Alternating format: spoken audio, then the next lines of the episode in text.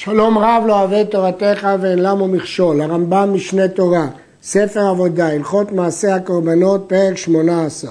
כל הקורבנות כולן, בין קורבנות בהמה ועוף, בין קורבנות מנחות, כבר אמרנו שגם מנחות נקראים קורבנות, מצוות עשה להקריבן בבית הבחירה, שנאמר, ושם תעשה כל אשר אנוכי מצווקה, פסוק בדברים י"ב.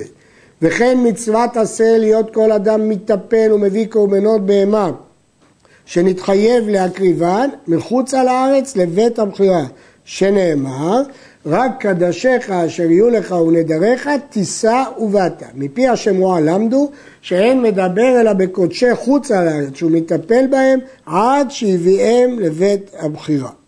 הרמב"ן בהשגות שלו לספר המצוות עשה פהם משיג על הרמב"ם וטוען שאין למנות הלכה זו כמצווה בפני עצמה אלא כחלק ממצוות הבאת קורבנות לבית המקדש.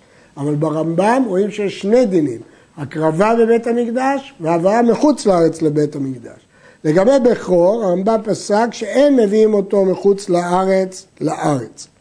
יש לשאול למה לגבי הבאה מחוץ לארץ הרמב"ם פסק דווקא קורבנות בהמה ומה עם קורבנות עוף ומנחה?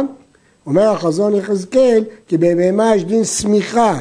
אז לכן לא שלחו על ידי שליח אלא אדם בעצמו. אבל עוף ומנחה אין בהם סמיכה. ולכן היו שולחים על ידי שליח או למעות לקופות שהיו במקדש, לכן לא הזכיר שהוא מביא אותה. המקריב קורבן חוץ לעזרה, ביטל מצוות עשה, שהזכרנו אותה קודם, ועבר הלא תעשה, גם עבר עליו, שנאמר, ישמר לך, כל מקום שכתוב ישמר זה לאו, פן זה לאו. ישמר לך פן תעלה עולותיך בכל מקום אשר תראה.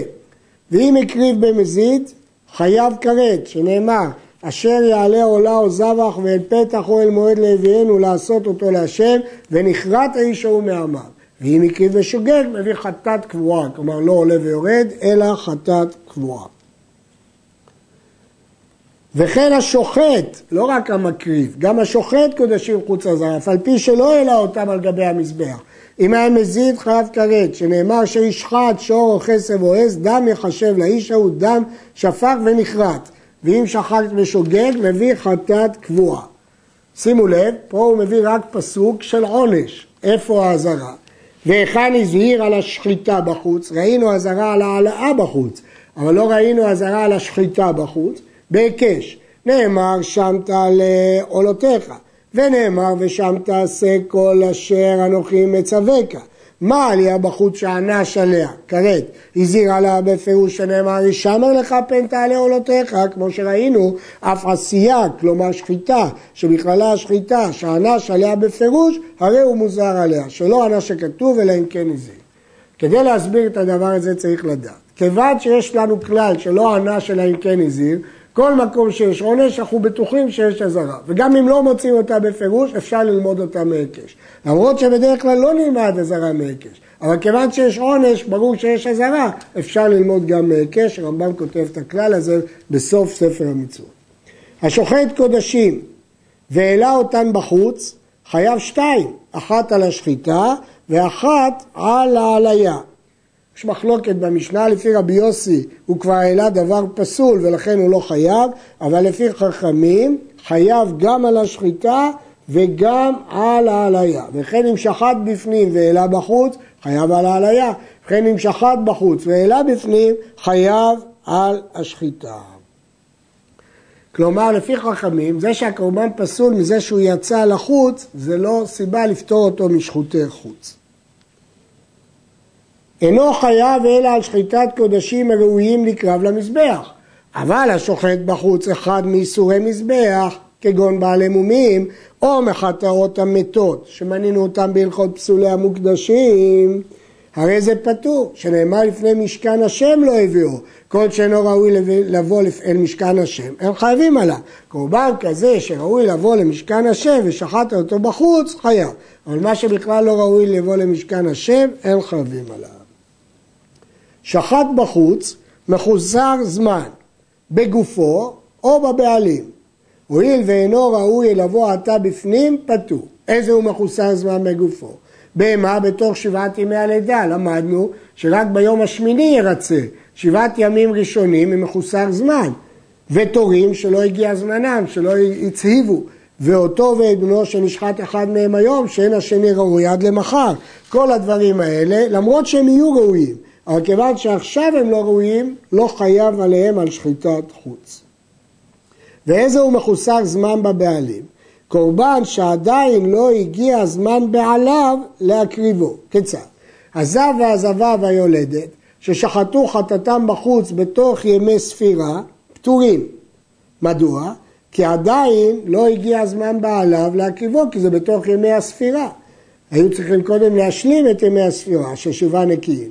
וכן מצורע ששחט חטאתו והאשמו בחוץ בתוך ימי ספירה, פטור, שעדיין לא נראו בעלי הקורבנות האלו לכפרה. אבל אם שחטו עולותיהם בחוץ בתוך ימי ספירה, חייבים שהעולה דורוני והחטאת והאשם הם עיקר הכפרה. קורבן עולה הוא דורון, ולכן הוא לא קשור לימי הספירה. משמע שהוא מקריב אותו קודם הזמן גם יצא ידי חובה. אבל חטאת ואשם, אם לא הגיע הזמנם, זה בתוך ימי הספירה שלהם, אז ודאי שהם לא יכולים להקריב, ולכן אם הוא שחט בחוץ הוא פטור. וכן נזיר, ששחט חטאתו בחוץ בתוך ימי נזירות, פטור, כי הוא לא יכול להביא את החטאת בתוך ימי נזירות. הקריב עולתו שלמיו בחוץ, חייב, שהחטאת היא המעכבת אותו, והיא עיקר הנזירות.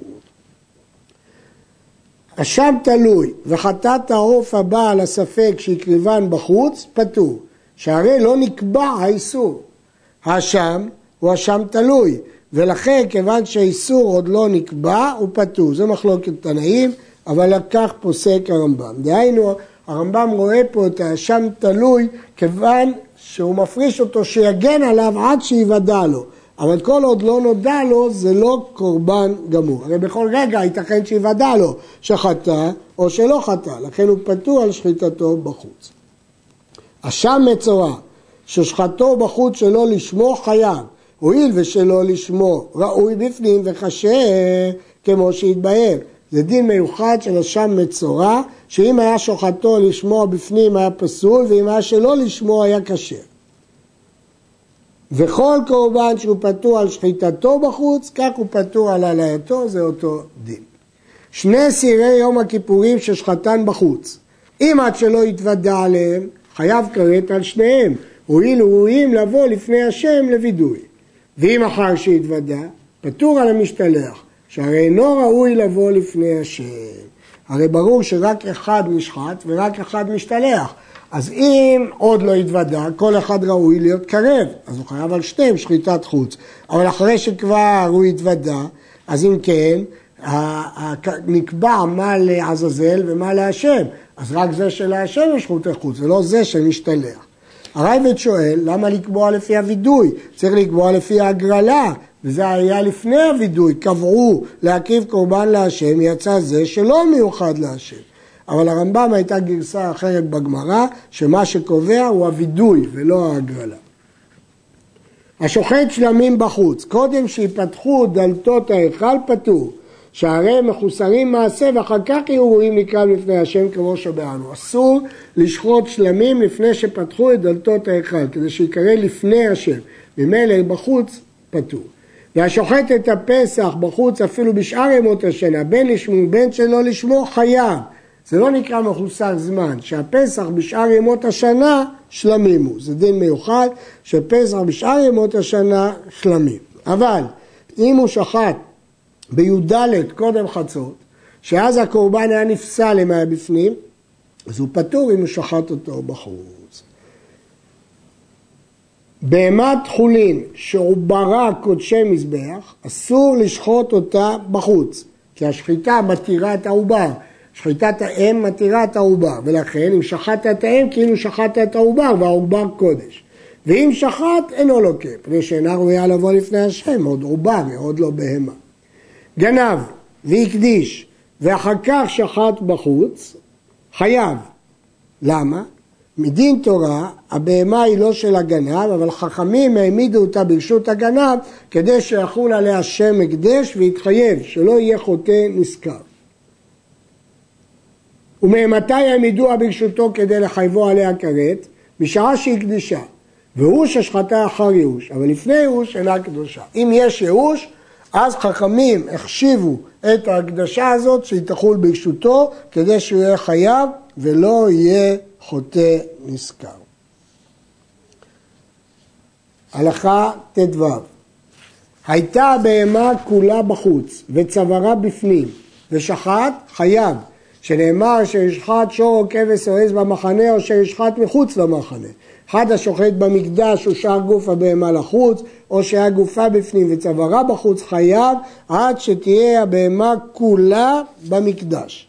צריכה להיות כולה במקדש. שנאמר, ואל פתח אוהל מועד לא יביאנו. אבל השוחט בגגו של ההיכל, אף על פי שאינו ראוי זה זבחה כלל, ראינו שהגגות לא התקדשו, הרי זה פטור, כי הוא הביא אותו לפתח אוהל מועד. בגמרא נחלקו המוראים, וכך פסק הרמב"ם.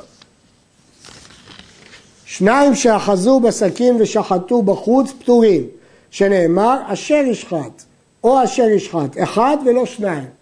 ואחד ששחט בחוץ, אף על פי שלא נתכוון לשחוט קודשים אלו להשם, הרי זה חיה. שנאמר דם יחשב לאיש ההוא דם שפך, אף על פי שזה אדם במחשבתו כדם הנשפך לא כקורבן, הרי הוא חייב. אז הדין הראשון לומדים מלשון יחיד אשר ישחט, הדין השני דם שפך, אפילו שהוא שופך את זה סתם לשפיכת דם. בגמרא דרשו את הדינים האלה מדרשות שונות, אבל העירו כבר המפרשים שהרמב"ם במקום שאין נפקא מינה מביא את הדרשות הפשוטות יותר. יש ששאלו מה הדין אם כל אחד לא יכול בפני עצמו ושחטו יחד, האם כאן יהיה חייב או יהיה פטור. השוחט בחוץ בלילה חייב. הואיל והשחיטה בלילה כשרה בחוץ, זה לא דומה למחוסר זמן, כי כאן הבעיה החיצונית שלא מקריבים קורבנות בלילה, אבל זה לא בעיה בקורבן. וכן אם העלה בלילה מזה ששחט בחוץ בלילה חייב הלילה, כי כפי שאמרנו, פסול לילה הוא לא פסול בקורבן. אבל אם שחט בפנים בלילה והעלה בחוץ, פטור. כפי שלא העלה, לה דבר פסול. כבר זה נפסל בשחיטה. אין לך שחיטה כשרה בלילה במקדש. אז אם הוא שחט בלילה במקדש, בפועל הוא פסל את הקורבן, ואז אם הוא יוציא את זה בחוץ, הוא יהיה פטור. וכן אם קיבל בכלי חול בפנים וזרק בחוץ, פטור. כי ברגע שהוא קיבל בכלי חול זה נפסל, ואז אם הוא זרק בחוץ אין לזה משמעות והוא פטור. יש להעיר שהרייבד חולק על המקרה השני וטוען שאם שחט בלילה והעלה בלילה פטור, ורק במקרה שהעלה ביום ממה ששחט בלילה חייב.